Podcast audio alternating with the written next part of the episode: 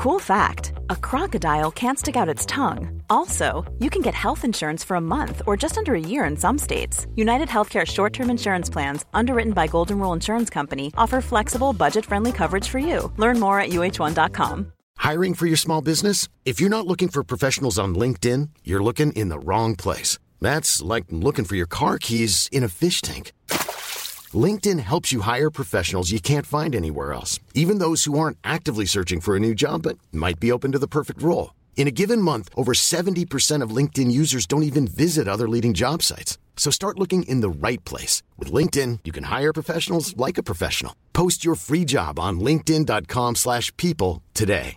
This is Paige, the co-host of Giggly Squad, and I want to tell you about a company that I've been loving, Olive June.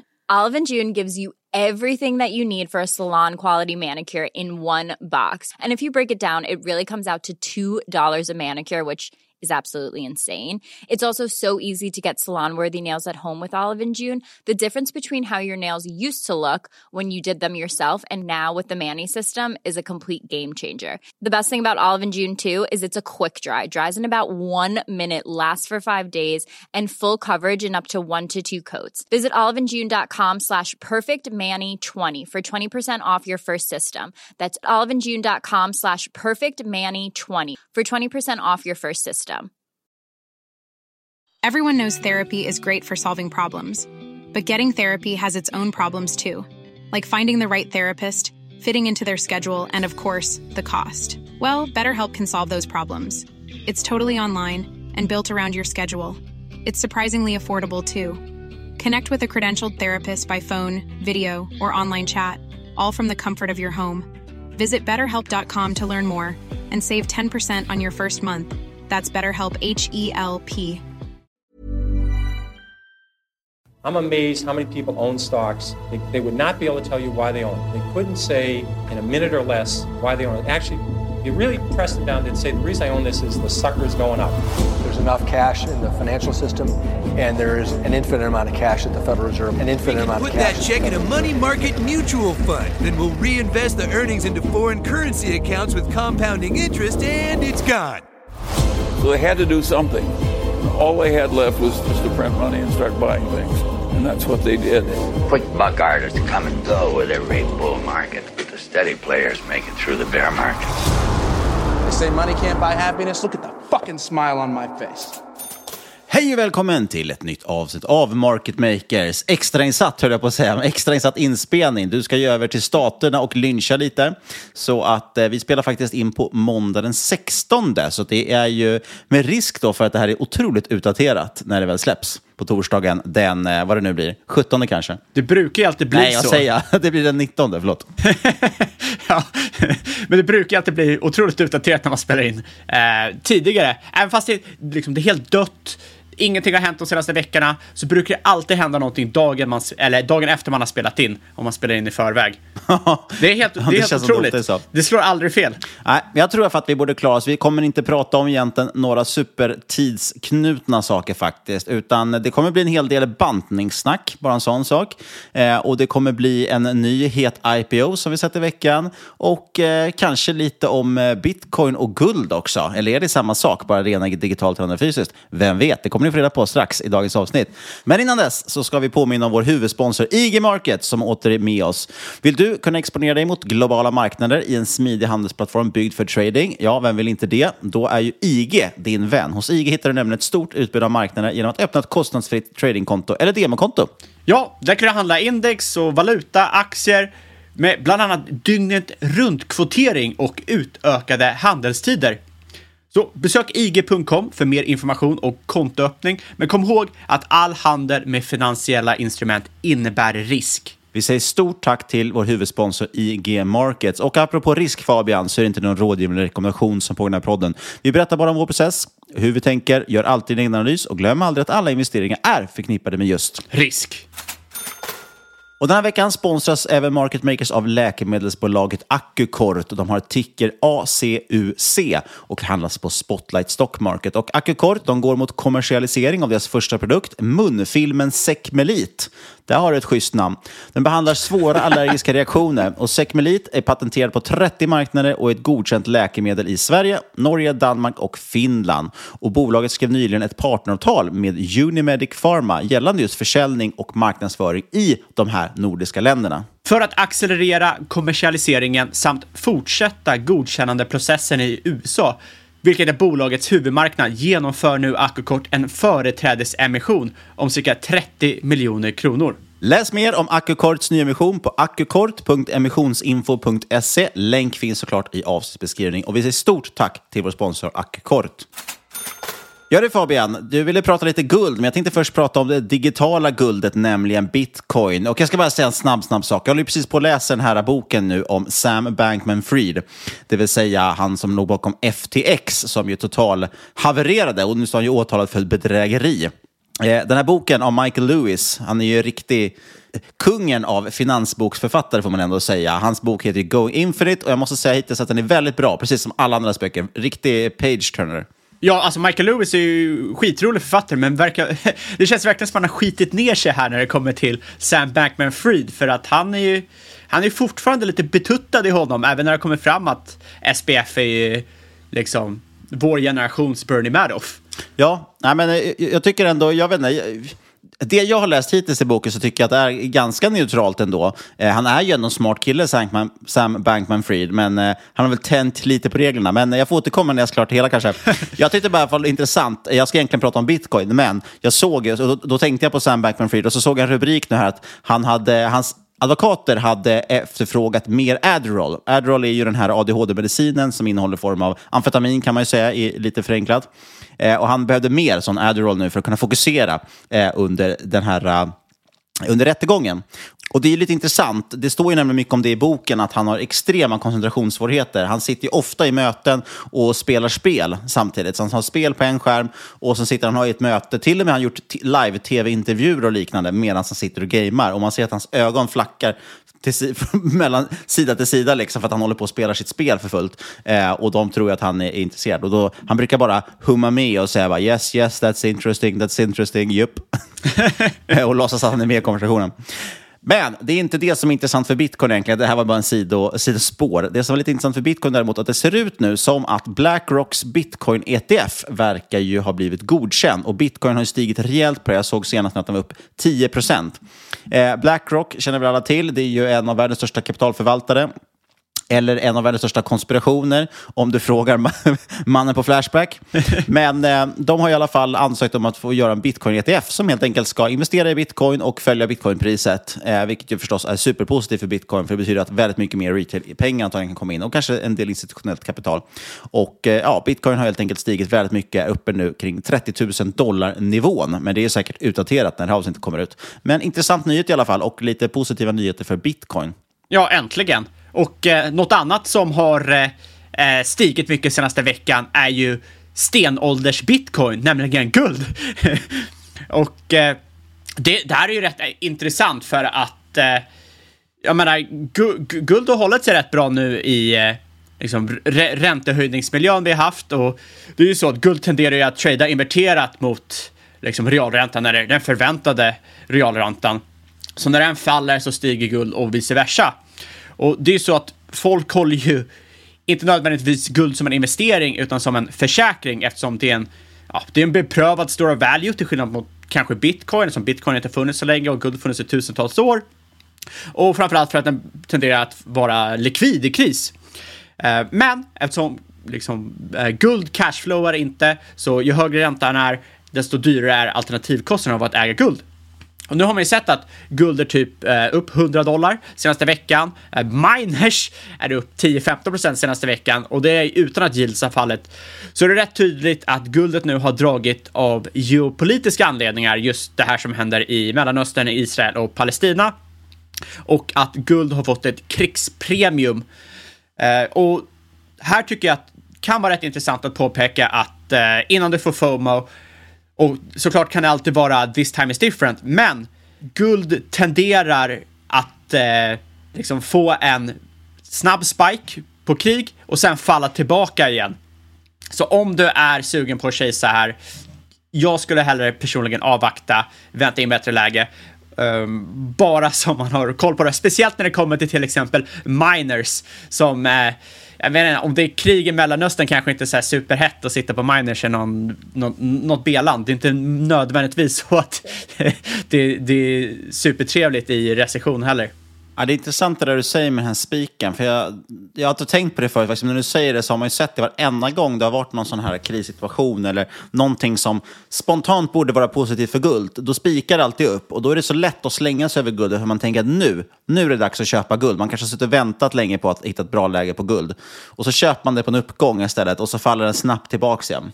Eh, däremot, jag tror att det är mycket bättre att göra det precis tvärtom. Gillar man guld, kanske använder det istället för liksom, använder det som likviditet i princip, då kan man sitta på det. Och sen i sådana här krissituationer när det smäller till och guldet sticker iväg, då ska man nog sälja av snarare istället och kapitalisera på den liksom, kortsiktiga uppgången. Och sen kan man köpa tillbaka igen när det fallit tillbaka lite. Absolut, det, det håller jag med om. Jag tror faktiskt att det är en, en bättre strategi. Det är, det är mycket bättre, och vi har pratat om det tidigare, speciellt i sådana här tider. Det kan vara väldigt ödesdigert att sitta och chasea eh, snabba uppgångar, som man såg på uranet bara för två veckor sedan. Det var ju bättre att avvakta lite där. Eh, och det är väl egentligen i, i alla tillgång, men framförallt just nu guld i kristider.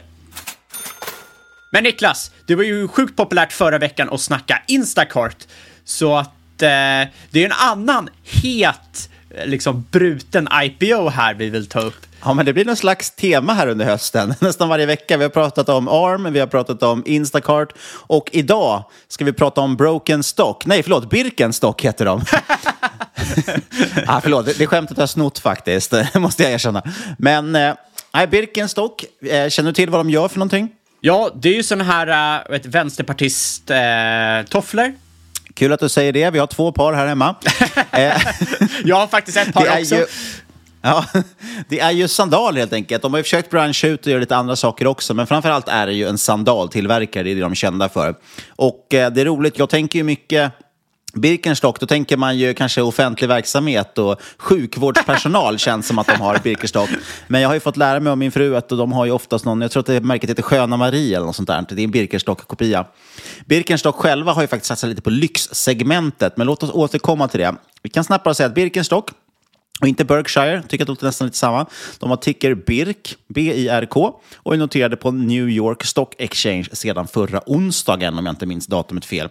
Eh, också spegelnoterade faktiskt i Tyskland med ticker 7PV. Den ligger bra i munnen tycker jag. Fantastiskt. Eh, och det är ju helt enkelt ett tyst bolag i grunden, ett gammalt familjeföretag, familjen Birkenstock.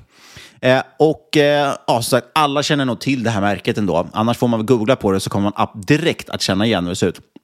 Och eh, det här är lite intressant nu. Market cap, knappt 7 miljarder dollar på det här bolaget, men det sattes på börsen på 9 miljarder. Så det har ju varit en ganska kraftig nedgång. Eh, minus 20 procent faktiskt sedan noteringen. Därav det här skämtet med broken stock. Noterades på 46 dollar, men har fortfarande inte nått tillbaka till de nivåerna helt enkelt. De föll över 10 procent första dagen och sen har det bara fortsatt ner. Och idag handlas den till runt 36 dollar. Eh, det är lite intressant ändå liksom, att fundera på fundera lite på det här bolaget. Det här lite så här, ekar lite från de här äh, private equity-noteringarna vi har sett i Sverige också. Där äh, det är väldigt tydligt att riskkapitalbolag vill ut ur någonting helt enkelt. Eh, och de har noterat det här på P 40. Nu tittar jag på rullande 12, så det är historiska siffror. Jag har inte gjort någon prognos själv på det här bolaget. Eh, men det är ju helt galet. Det, känns inte, det går inte att notera på sådana multiplar längre, framförallt inte på ett sandalmärke. Och jag förstår att de befintliga ägarna gärna vill ha bra betalt förstås för det här, men jag undrar vem det är som köper egentligen sådana här bolag på de här siffrorna. Eh, och det är givetvis som sagt ett riskkapitalbolag som är skyldiga till den här katastrofnoteringen. Familjen Birkenstock de sålde nämligen bolaget till den här private equity-firman för bara två år sedan. Och nu ville de då göra en exit. Och då tyckte de att en rimlig pris, eller rimlig premie för att de har hållit på det här i två år, det är att de dubblar värderingen. Så de skulle ha 100 procent helt enkelt på den här investeringen. Det, det är så det funkar Niklas. Ja, du nej, köper det... ett bolag, gör ingenting med det, dubbla värdering och säljer ut det till dum-retail. Ja, verkligen. Nej, och... Eh... Så det, kan man, måste man säga det, alltså själva bolaget i sig, det är ett kvalitetsbolag. Alltså ett superhärligt bolag, men du kan inte köpa det till P40, det är liksom orimligt. Eh, de har faktiskt liksom om, alltså omsättningstillväxten, om vi tittar på snitttillväxten per år, eller omsättningskagger som det så fint heter, så ligger det på 20 procent senaste tio åren. Och det bygger mycket på att de har satsat på en ganska stor global expansion som påbörjades med en ny vd som tillsattes för tio år sedan. Och det har de verkligen då lyckats med. Sagt, 20 procent per år är en väldigt kraftig tillväxt. Och man pratar om att Birkenstock is more than a shoe. Eh, det är, eh, it's a way of thinking and a way of living. Det är inte dåligt. Ett sätt att leva, det är en livsstil, de här skorna. Ja, alltså senaste åren, du har ju sett att liksom, du, du har ju dragit dragit iväg rejält när det kommer liksom modemässigt. Och man ser ju när man rullar runt i Soho här i London, alla, alla kids glider runt med Birkenstocks, i alla fall på sommaren. Um, så att de har ju lyckats nå en annan målgrupp än tant Agneta som liksom är yllekoftan som man liksom kände till Birkenstocks från några år sedan. Ja, och jag tror faktiskt att, för, för deras grej, om vi bara tittar tillbaka lite, de har ju nästan 250 år i historia, så det är svårt att summera hela bolaget. Men man kan väl säga att det är det här från början. Jag vill minnas att det faktiskt är en läkarfamilj i grunden, eh, som, som ju satsade just på att det skulle vara fotriktiga sandaler. Så det är liksom det som är grunden egentligen i bolaget, att det ska vara fotriktiga skor, eller sandaler. Då. Eh, men har ju skiftat över mer mot någon form av lyxsegment, eller lyxstämpel. Och därav också tror jag att den här skillnaden mot att de nu som kanske liksom vill ha ett par billiga men fotriktiga, schyssta sandaler, de köper nog kanske någon form av Birkenstock-kopia. Medan som du säger, idag är det snarare kanske ja, men, rika ungdomar som köper Birkenstock för att glida runt med på stan. För de har lyckats väldigt bra med att sätta den här lyxstämpeln på något sätt. De har jobbat stenhårt med både marknadsföring men också att kontrollera utbud på olika sätt. De har väldigt, väldigt hårda krav på återförsäljare, rycker gärna in tillståndet till att sälja sandalerna om det inte duger. Och de höjer också löpande priserna, så det har ju börjat bli ganska dyrt med de här. Eh, och då ska det tilläggas här att i och med den här lyxstämpeln så ska det tilläggas, det var inte bara ett riskkapitalbolag som köpte in sig för två år sedan, utan det var även eh, Herr Ernaux, det vill säga LVMHs eh, vd och eh, ja, en av världens rikaste män helt enkelt. Han var också med på ett hörn när eh, familjen Birkenstock sålde det bolaget 2021. Men jag måste säga, när jag tittar på, på Birkenstock, den känns ju all, inte ett dugg attraktiv på de här nivåerna. Men däremot blir man lite sugen på Crocs. Alltså foppatofflor, apropå med, med saker som har blivit trendiga. För det Crocs har lyckats med, och de har ju för övrigt tickern CROX och är också noterade. De har ju lyckats dels mot ungdomar. De är helt rätt positionerade om man tittar på sociala medier. De är jättestora på TikTok och Instagram och så vidare. Folk skaffar ju dem som någon form av meme. Du kan köpa Shrek-inspirerade Crocs och de liksom har massa olika eh, hittepå-modeller med sina Crocs.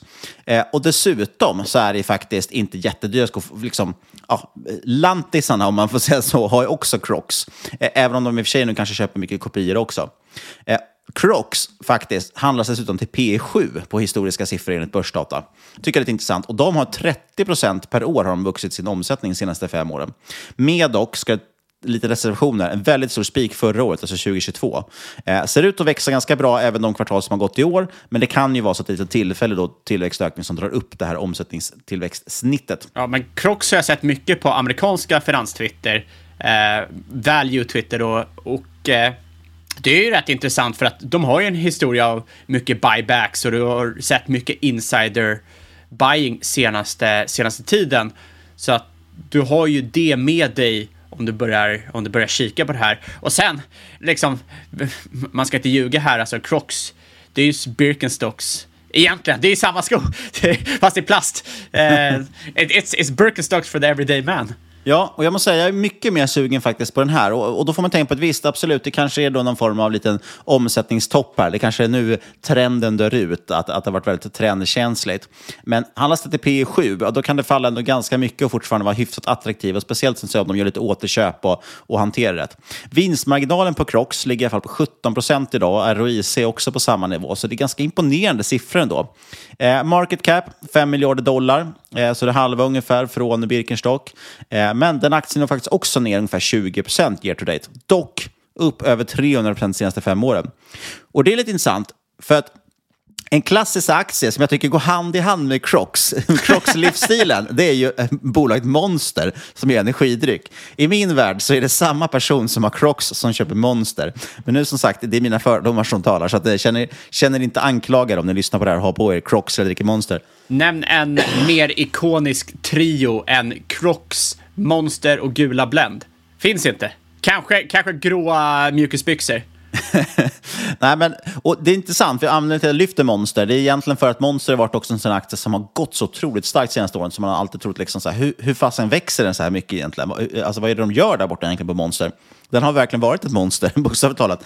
Men eh, Faktum är att Crocs har faktiskt vida överstigit Monster. Monster är också upp väldigt mycket de senaste åren, men Crocs eh, upp som sagt betydligt, betydligt starkare än Monster.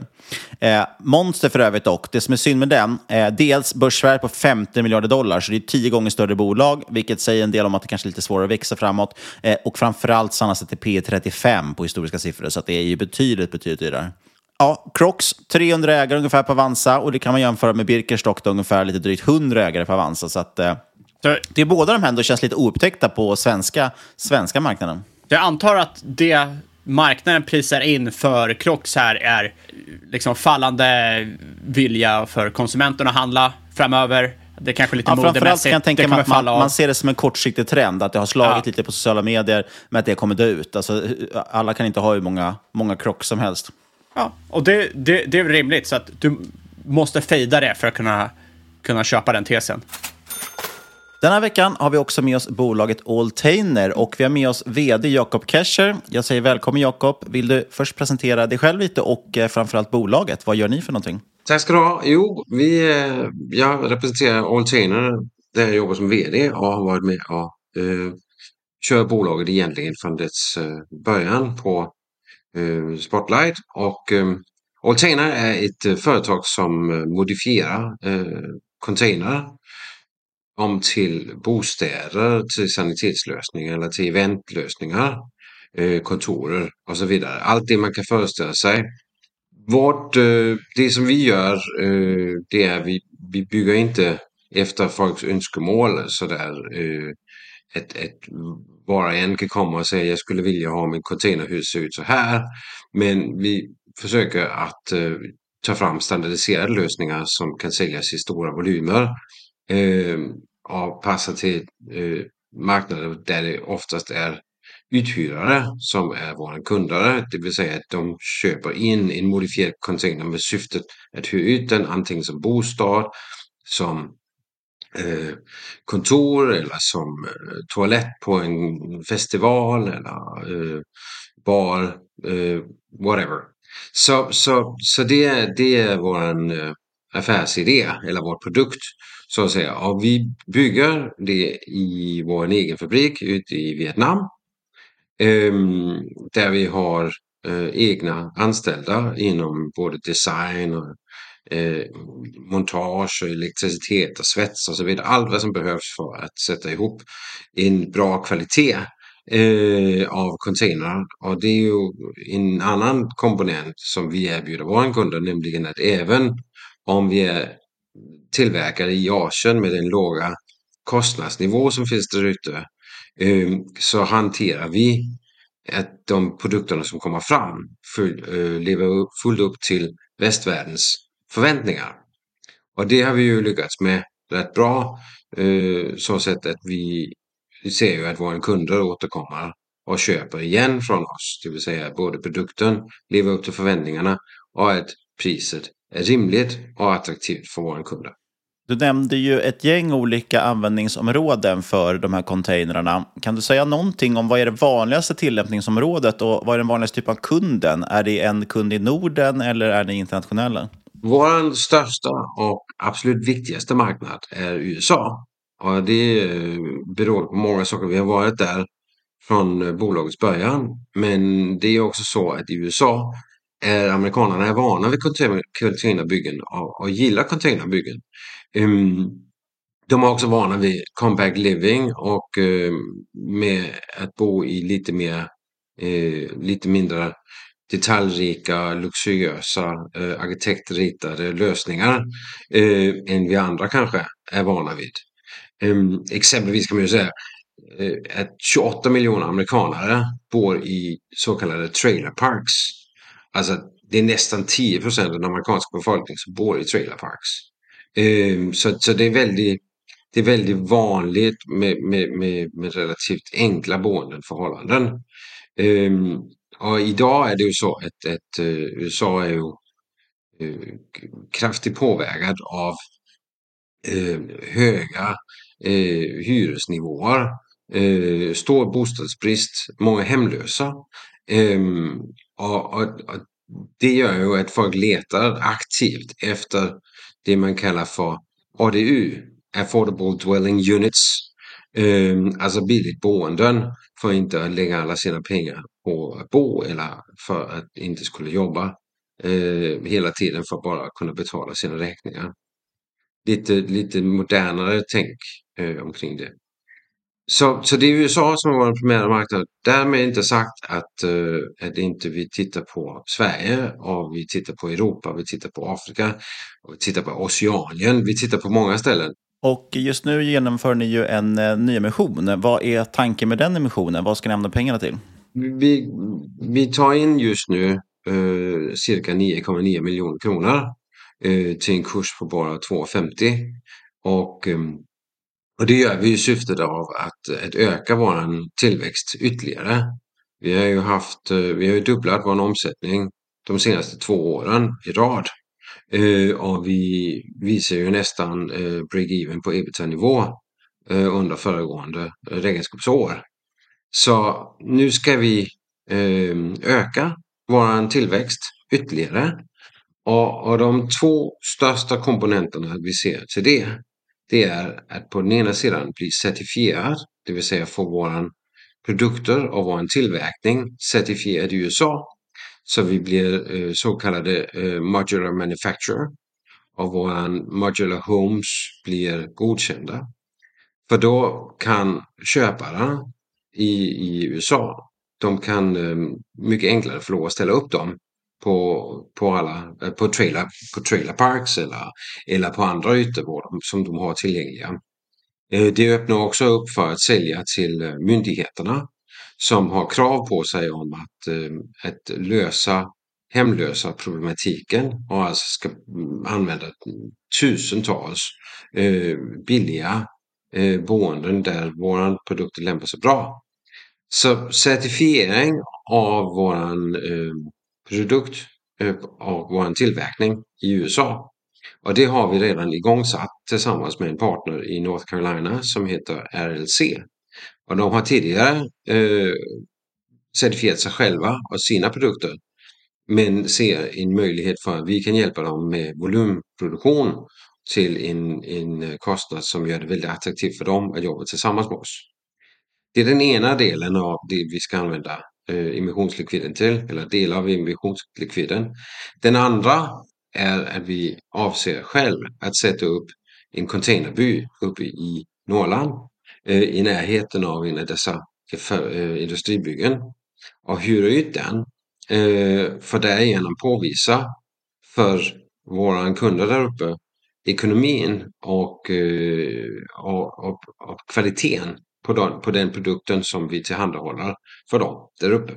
Det vill säga vi, vi, vi vill kunna eh, visa både att vi tjänar bra med pengar på att hyra ut, att produkten eh, är väl isolerad och väl hållbar för de miljöerna som finns där uppe och att eh, underhåll och driftkostnader är rimliga så att de kan ha förtroende för deras investeringskalkyl när de själv i sin tur köper containerbyar av oss till att ställa upp i Norrland. Det är de två primära eh, anledningarna till att vi tar in pengar just nu. Alltså för att öka tillväxten väsentligt så att vi kan eh, visa ännu bättre resultat eh, i år och i åren som kommer. Och eh, emissionen pågår ju nu fram till 26 oktober. Eh, man kan läsa mer på er hemsida alltainer.com och så finns det en knapp för nyemission längst upp till höger. Och vi länkar förstås till det i avsnittbeskrivningen också. Då säger jag stort tack till dig Jakob och stort tack till Alltainer.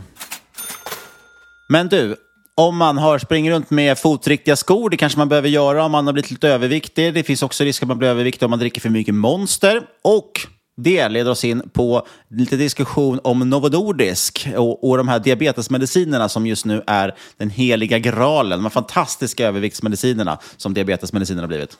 Är det en hype eller är det på riktigt? Ja, det, det undrar jag själv. Bara lite, bara lite kontext där också. Novo Nordisk, som vi vet, eh, Europas, det är väl Europas nu, största börsbolag.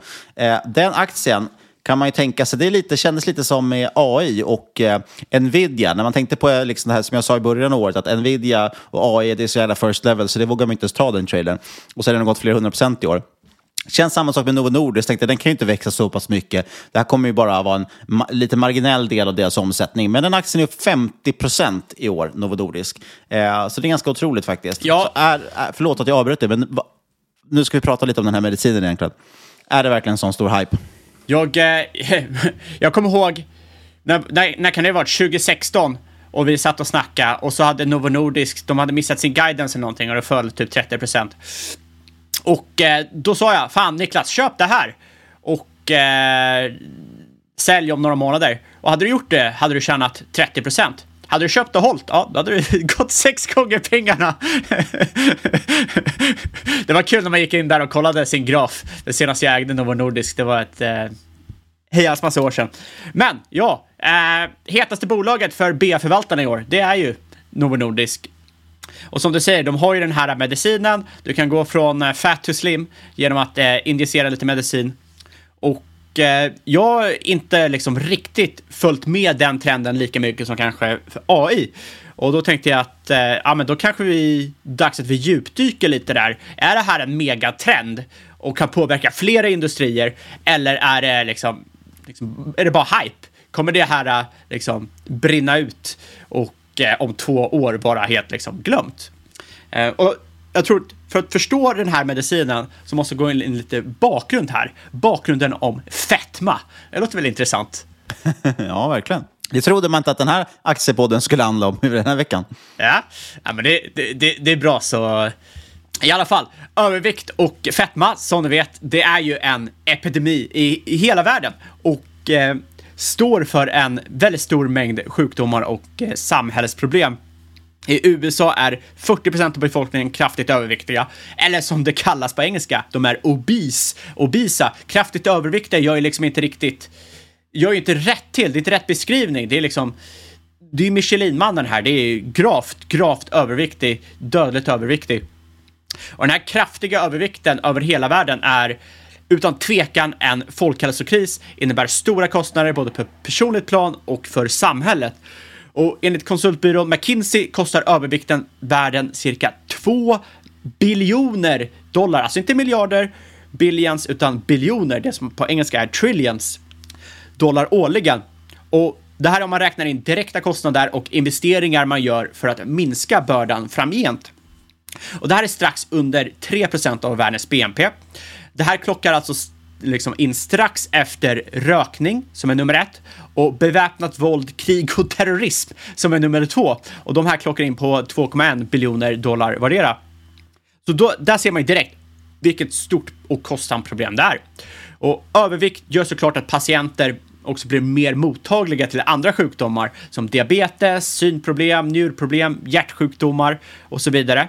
Eh, de direkta kostnaderna för att till exempel behandla diabetes eh, globalt klockar in på cirka 900 miljarder dollar om året och hela 25 procent av amerikanska sjukvårdskostnader går till att behandla diabetessjuka. Och eh, liksom faran med övervikt stiger rätt snabbt. Eh, för en 5 kilos ökning i vikt eh, är korrelerat med 11 procent högre risk för hjärt och kärlsjukdomar. Det är dessutom högre risk att få flertalet olika cancerformer eh, och framförallt har du ju mycket lägre sannolikhet att du kommer överleva den här cancern. Dessutom är övervikt också korrelerat med flera mentala problem. Du har ju depression och ångest och så vidare. Och då är frågan, vad är ljuset i tunneln här? Jo, en minskning om endast 10 procent i kroppsvikt drar ner medicinska kostnader under ett livstid med cirka 35 procent. Att gå från det som på engelska är obese till endast vara överviktig, som absolut inte är optimalt, men att bara göra det här steget gör att du kan halvera dina medicinska kostnader över en livstid. Så att dra ned på samhällets vikt är inte bara viktigt för personerna i sig och deras hälsa, utan även för statskassan, för det kostar så otroligt mycket pengar. Och det här leder oss in på just Novo Nordisk och även Eli Lilly och det är de här äh, nya medicinerna semiglutid eller GLP-1 som äh, det egentligen bör äh, omfattas av. För det finns flertalet läkemedel som är godkända av amerikanska FDA och även i resten av världen för just viktminskning. Eh, men framförallt är det eh, semaglutid och tirsapatid. och eh, deras koppling till GLP-1 som dragit igång den här hypen. Men då är ju också frågan, hur funkar det här och eh, varför kan det här användas till viktminskning? Eh, och jag tänker att vi håller det här väldigt eh, grundläggande nivå.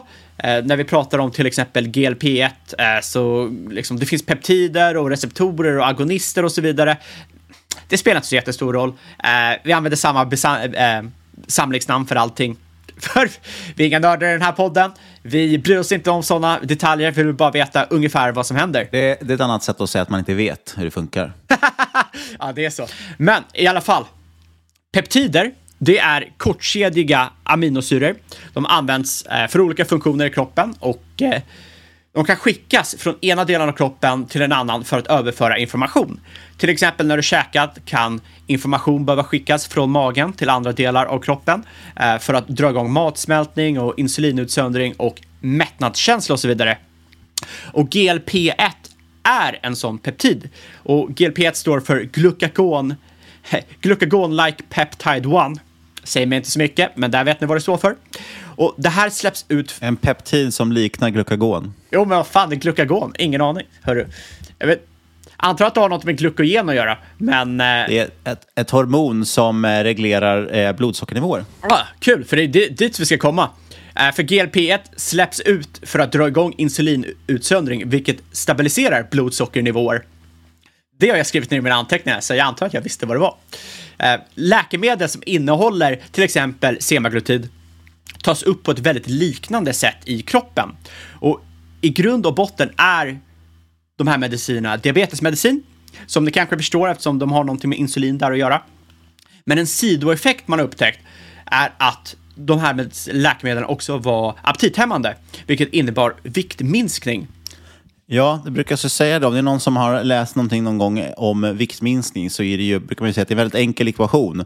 Du måste stoppa in mindre än vad du gör av med. Ja, precis. jag tänker till och med så helt galet. Stoppa in mindre än du gör av med. Och eh, det är ju väldigt lätt i eh, teorin, men kanske ganska svårt i praktiken. Och eh, ja, ett av de lättaste sätten, om det går att göra, att reglera det där, det är ju helt enkelt att ä, få någon, göra någon, någonting som gör att du äter mindre. Och ja, det är väl det man har insett här, att då, då skulle vi faktiskt kunna använda den här medicinen till att få folk att äta mindre genom att hämma aptiten. Exakt, och som det funkar i kroppen är att peptider har en viss livstid. Och eh, när det liksom halveras bort så kommer du börja känna dig hungrig igen. Och ju längre de här peptiderna varar, eh, desto längre påverkas du av dem. Och de här GLP-1-läkemedlen då, de jobbar genom att dra ut på halveringstiden så att de håller sig kvar längre i kroppen, vilket gör att du känner dig mätt längre. Och det är rätt extremt liksom, det, eller det är rätt otroligt hur extremt bra de här fungerar. För det är inte ovanligt att en person som tidigare tryckt flera tusen kalorier, alltså 5000 kalorier om dagen, endast klarar av att äta cirka 500 eller några, liksom 500 000 kalorier om dagen efter att man tagit det här GLP-1-läkemedlet. Eh, vi kan också påpeka här att GLP-1-läkemedel inte är något nytt fenomen, utan det har funnits på marknaden i två årtionden. Eh, det första GLP-1-läkemedlet godkändes av FDA 2005 så det är inte direkt någon ny experimentell medicin. Nej, utan det handlar ju snarare om ett nytt användningsområde för en väl Exakt. etablerad medicin. Exakt, och i branschen och inom finansmarknaden så är det ju främst två aktörer som diskuteras och det är Novo Nordisk och det är Eli Lilly. Eh, Novo Nordisk har läkemedel som Ozempic och Vigovi som har den aktiva ingrediensen semaglutid. De har också Saxenda som har den aktiva ingrediensen liraglutid. Eh, de två första tar man spruta en gång i veckan, den senare en gång om dagen. Och eh, Vigovi och Saxenda är godkända för viktminskning, men eh, Ozempic endast för diabetes än så länge, vad jag vet i alla fall.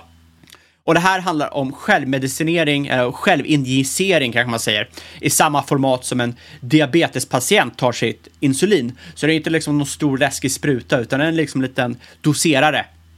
Eh, utöver det här så sitter man och eh, försöker ta fram orala preparat i form ehm, eh, av någonting som heter Rubcelsus. Det är en oral version av den, eh, liksom, den här semaglutid och ska tas eh, dagligen, men ej godkänt för viktminskning än.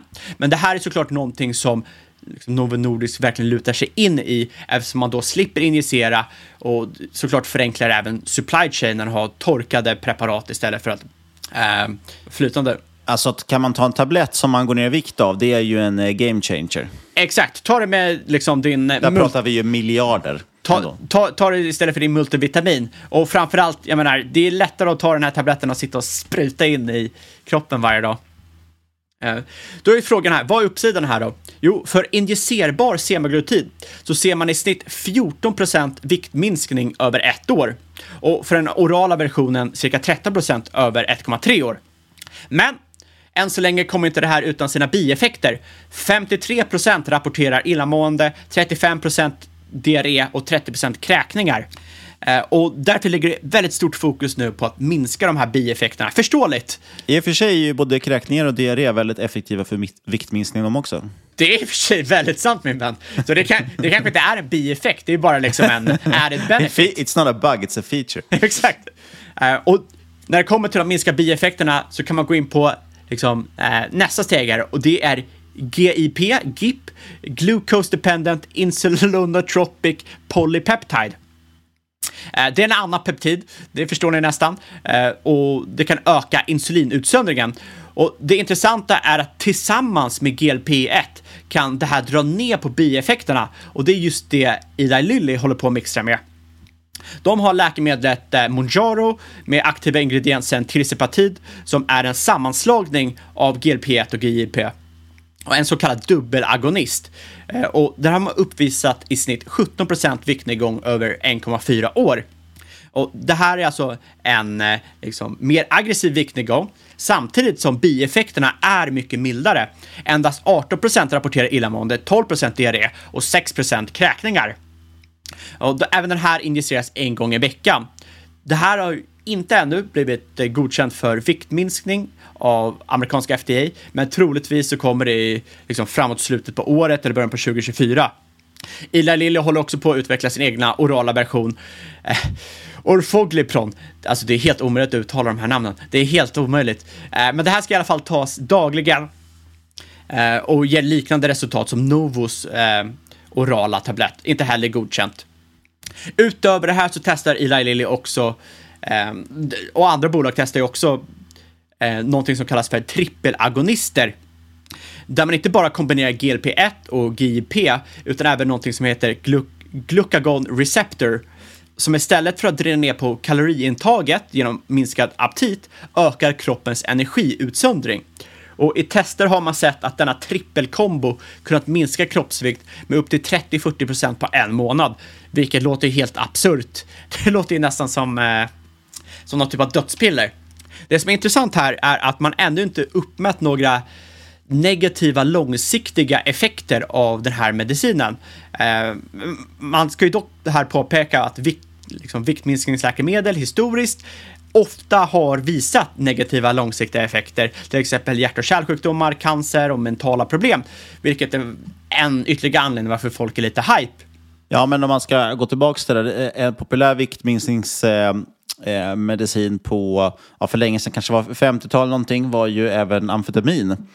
Eh, men det upptäckte man ju vissa biverkningar med.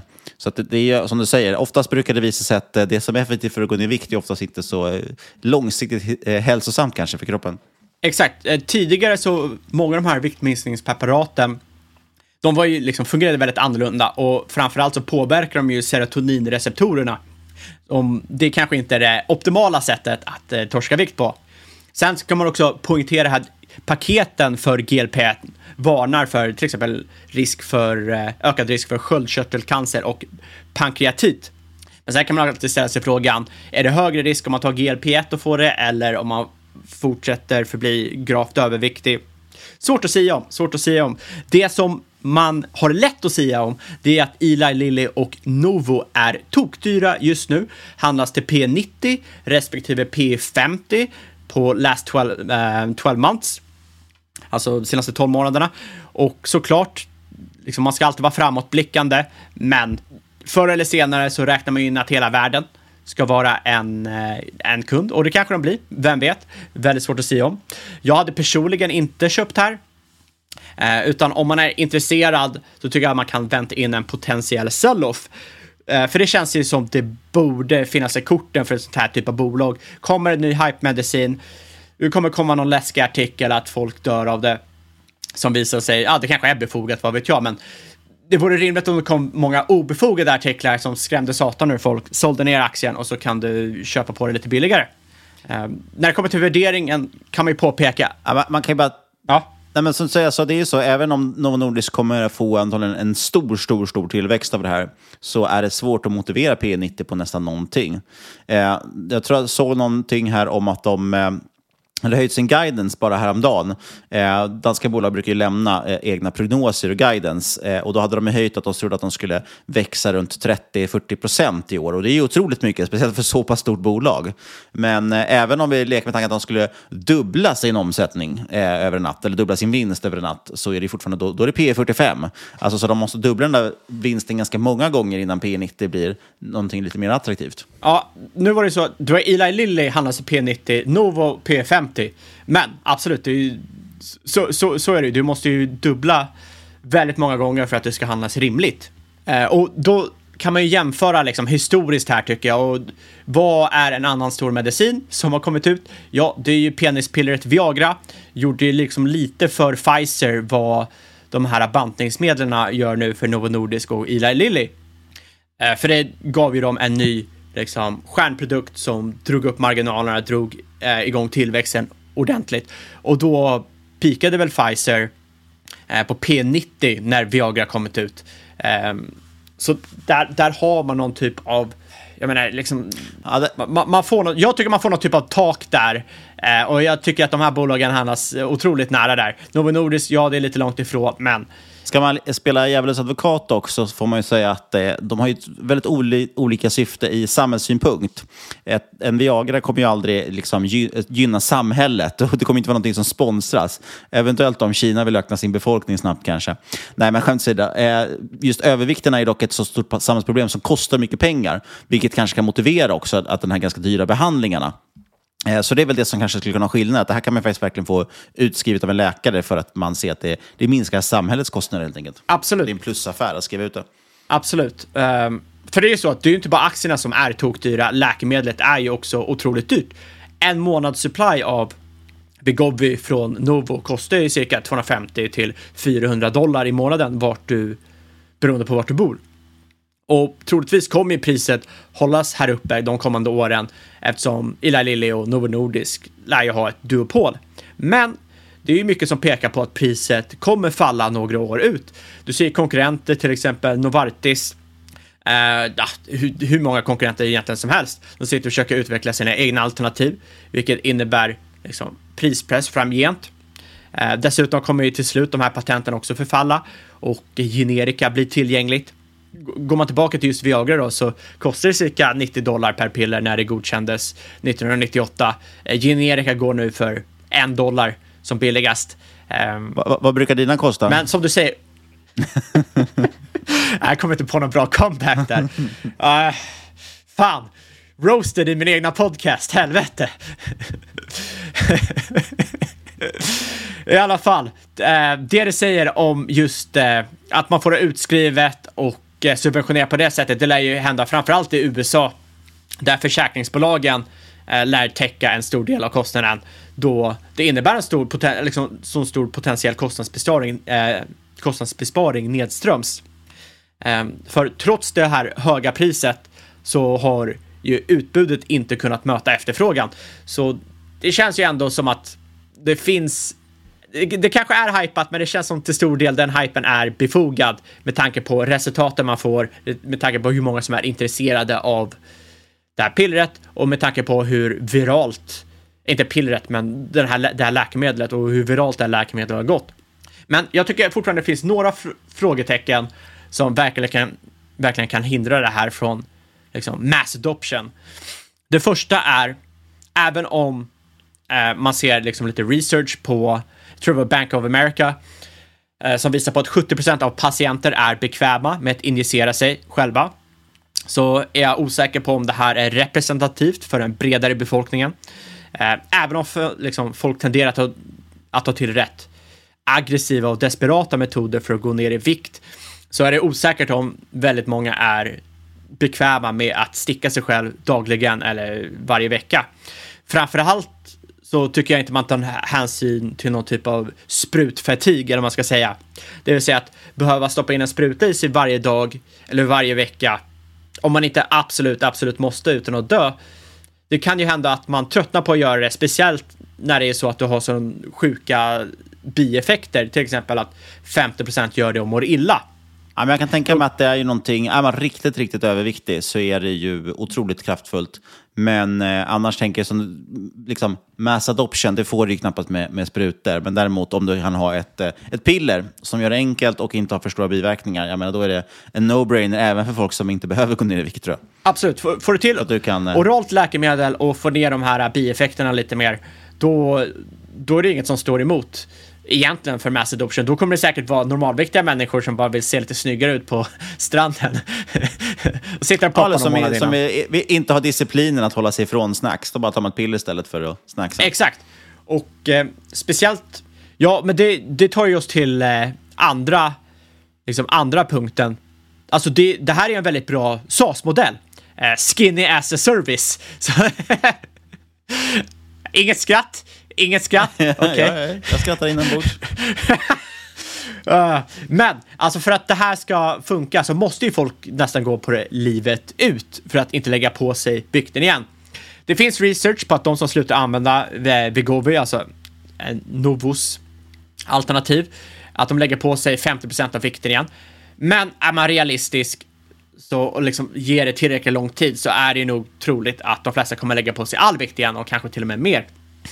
Så att, liksom, så att, så, så för att återkoppla till liksom det vi sa innan, eh, vill du att folk ska göra det här så kan man liksom inte utbyta ett sätt att må skit mot ett annat sätt att må skit och liksom hoppas de tar det. Så man måste verkligen komma, komma över det här för att de ska vilja bli långsiktiga prenumeranter på det här eh, läkemedlet. Uh, och framförallt är det ju för att när man liksom slutar käka snabbmat. Och det finns ju en anledning varför så många är beroende av det. Du får ju en sjuk serotonin eller dopaminboost eh, av att trycka massa skräpmat. Och det blir liksom lite som att trycka in en alkoholist eller heroinist på en nykterhetsklinik. Det funkar säkert jättebra så länge de är där, men om liksom, när de lämnar och det blir problem, ja, då är ju risken hög att de faller tillbaka i gamla vanor. Och jag kan ju tänka mig att om du inte har den här den här boosten, eh, någonting händer, kan det bli så att du väljer att sluta ta ditt läkemedel för att kunna trycka mer käk för att få känna dig bättre. Jag vet inte hur rimligt det är, men det känns som att eh, det här bara löser den fysiska biten, men inte nödvändigtvis den mentala biten som jag tror ändå finns där hos många för att jag tror att det måste finnas något mentalt där i bakgrunden för att man ska vara villig att äta sig själv till döds i stort sett. Jag vet inte om det, du tycker det är rimligt eller inte. Nej, jag låter dig spekulera fritt. Ja, ja okej. Okay. Okay. Så får man konsultera en läkare om man har frågor om det här. Okej, okay, jag, jag, säger bara att det, det är väldigt allvarligt att vara så här sjukt gravt överviktig så att du, drar, du ökar din dödlighet rätt rejält. Så är det absolut. Men, men, ja. Men nu ska vi prata pengar, det... inte dödlighet. Ja, men... Hellre fet än rik och smal och fattig. Ja, men jag tycker liksom lite, boy... Nej, jag vet inte, jag säger det. ja, exakt. Och... Eh, Ja, men om man eh, tänker lite längre då, Novo Nordisk och Eli Lilly som är liksom first level då som jag sa. Vilka andra kan bli vinnare och förlorare på den här typen av nya läkemedel tror du? Ja, eh, jag tänker att vi ska köra liksom lite first level thinking här kring hur det kan påverka andra industrier. För det är ju rätt intressant. Som sagt, tycker inte Novo och Eli Lilly ser jätteintressant nu, eh, ut nu. Många liksom mindre firmor, det är ju bara en gamble, för man vet ju aldrig vad som händer i fas 1, fas 2 studier. Eh, så det är ingenting jag kan sitta och säga om. Men oavsett så borde det vara bearish för om den här hypen håller, det vill säga och att det här blir nästa megatrend. Då borde det vara otroligt bearish för bolag som idag riktar sig mot övervikt och relaterade sjukdomar.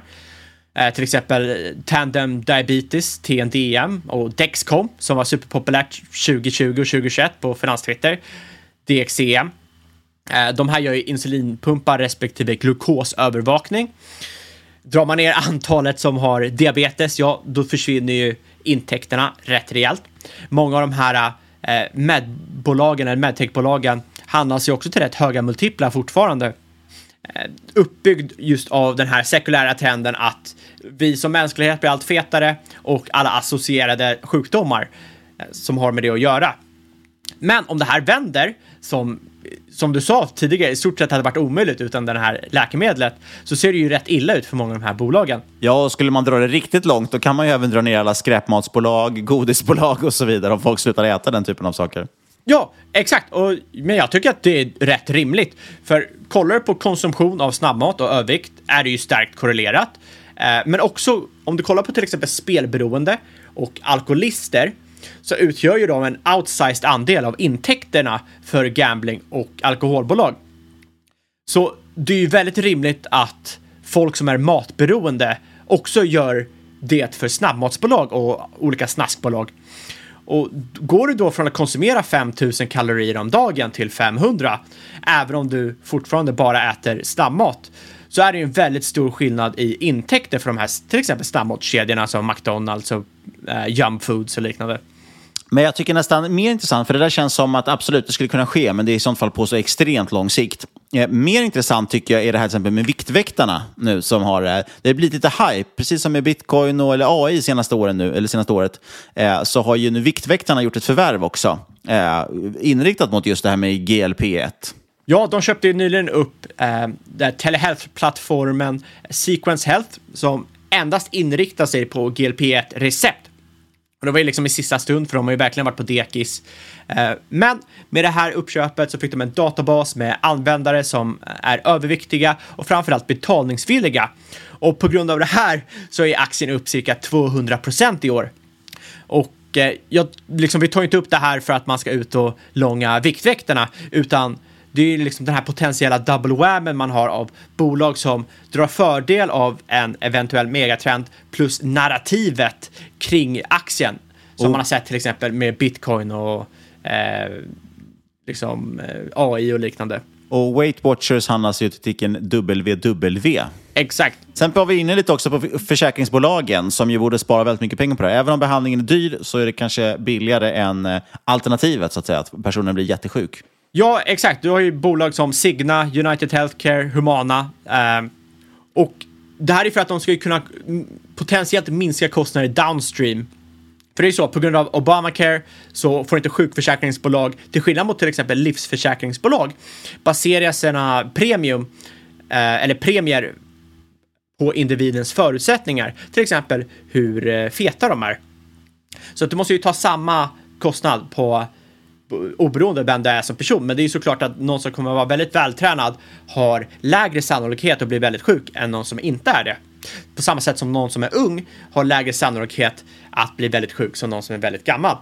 Det är minst sagt intressant i alla fall, men jag tycker det är intressant ändå att höra lite om och framförallt hur man verkligen ska sätta relation, sätta den här äh, potentiella omsättningsökningen som de här läkemedlen innebär.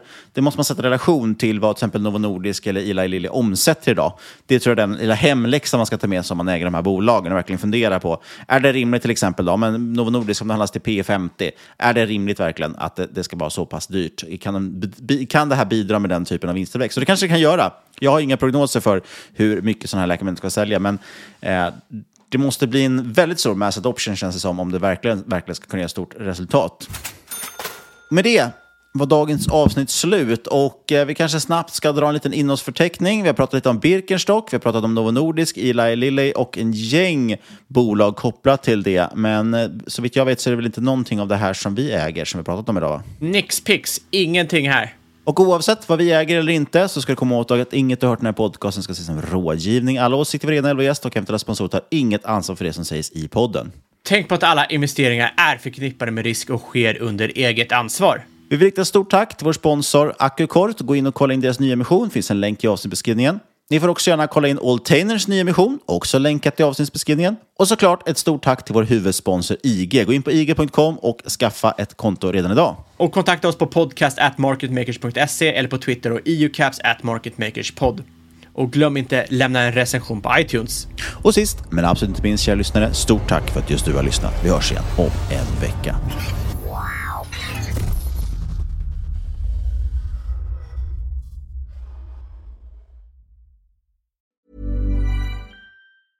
Small details are big surfaces. Tight corners are odd shapes. Flat, rounded, textured, or tall. Whatever your next project, there's a spray paint pattern that's just right. Because Rust new Custom Spray 5 in 1 gives you control with five different spray patterns. So you can tackle nooks, crannies, edges, and curves without worrying about drips, runs, uneven coverage, or anything else. Custom Spray 5 in 1.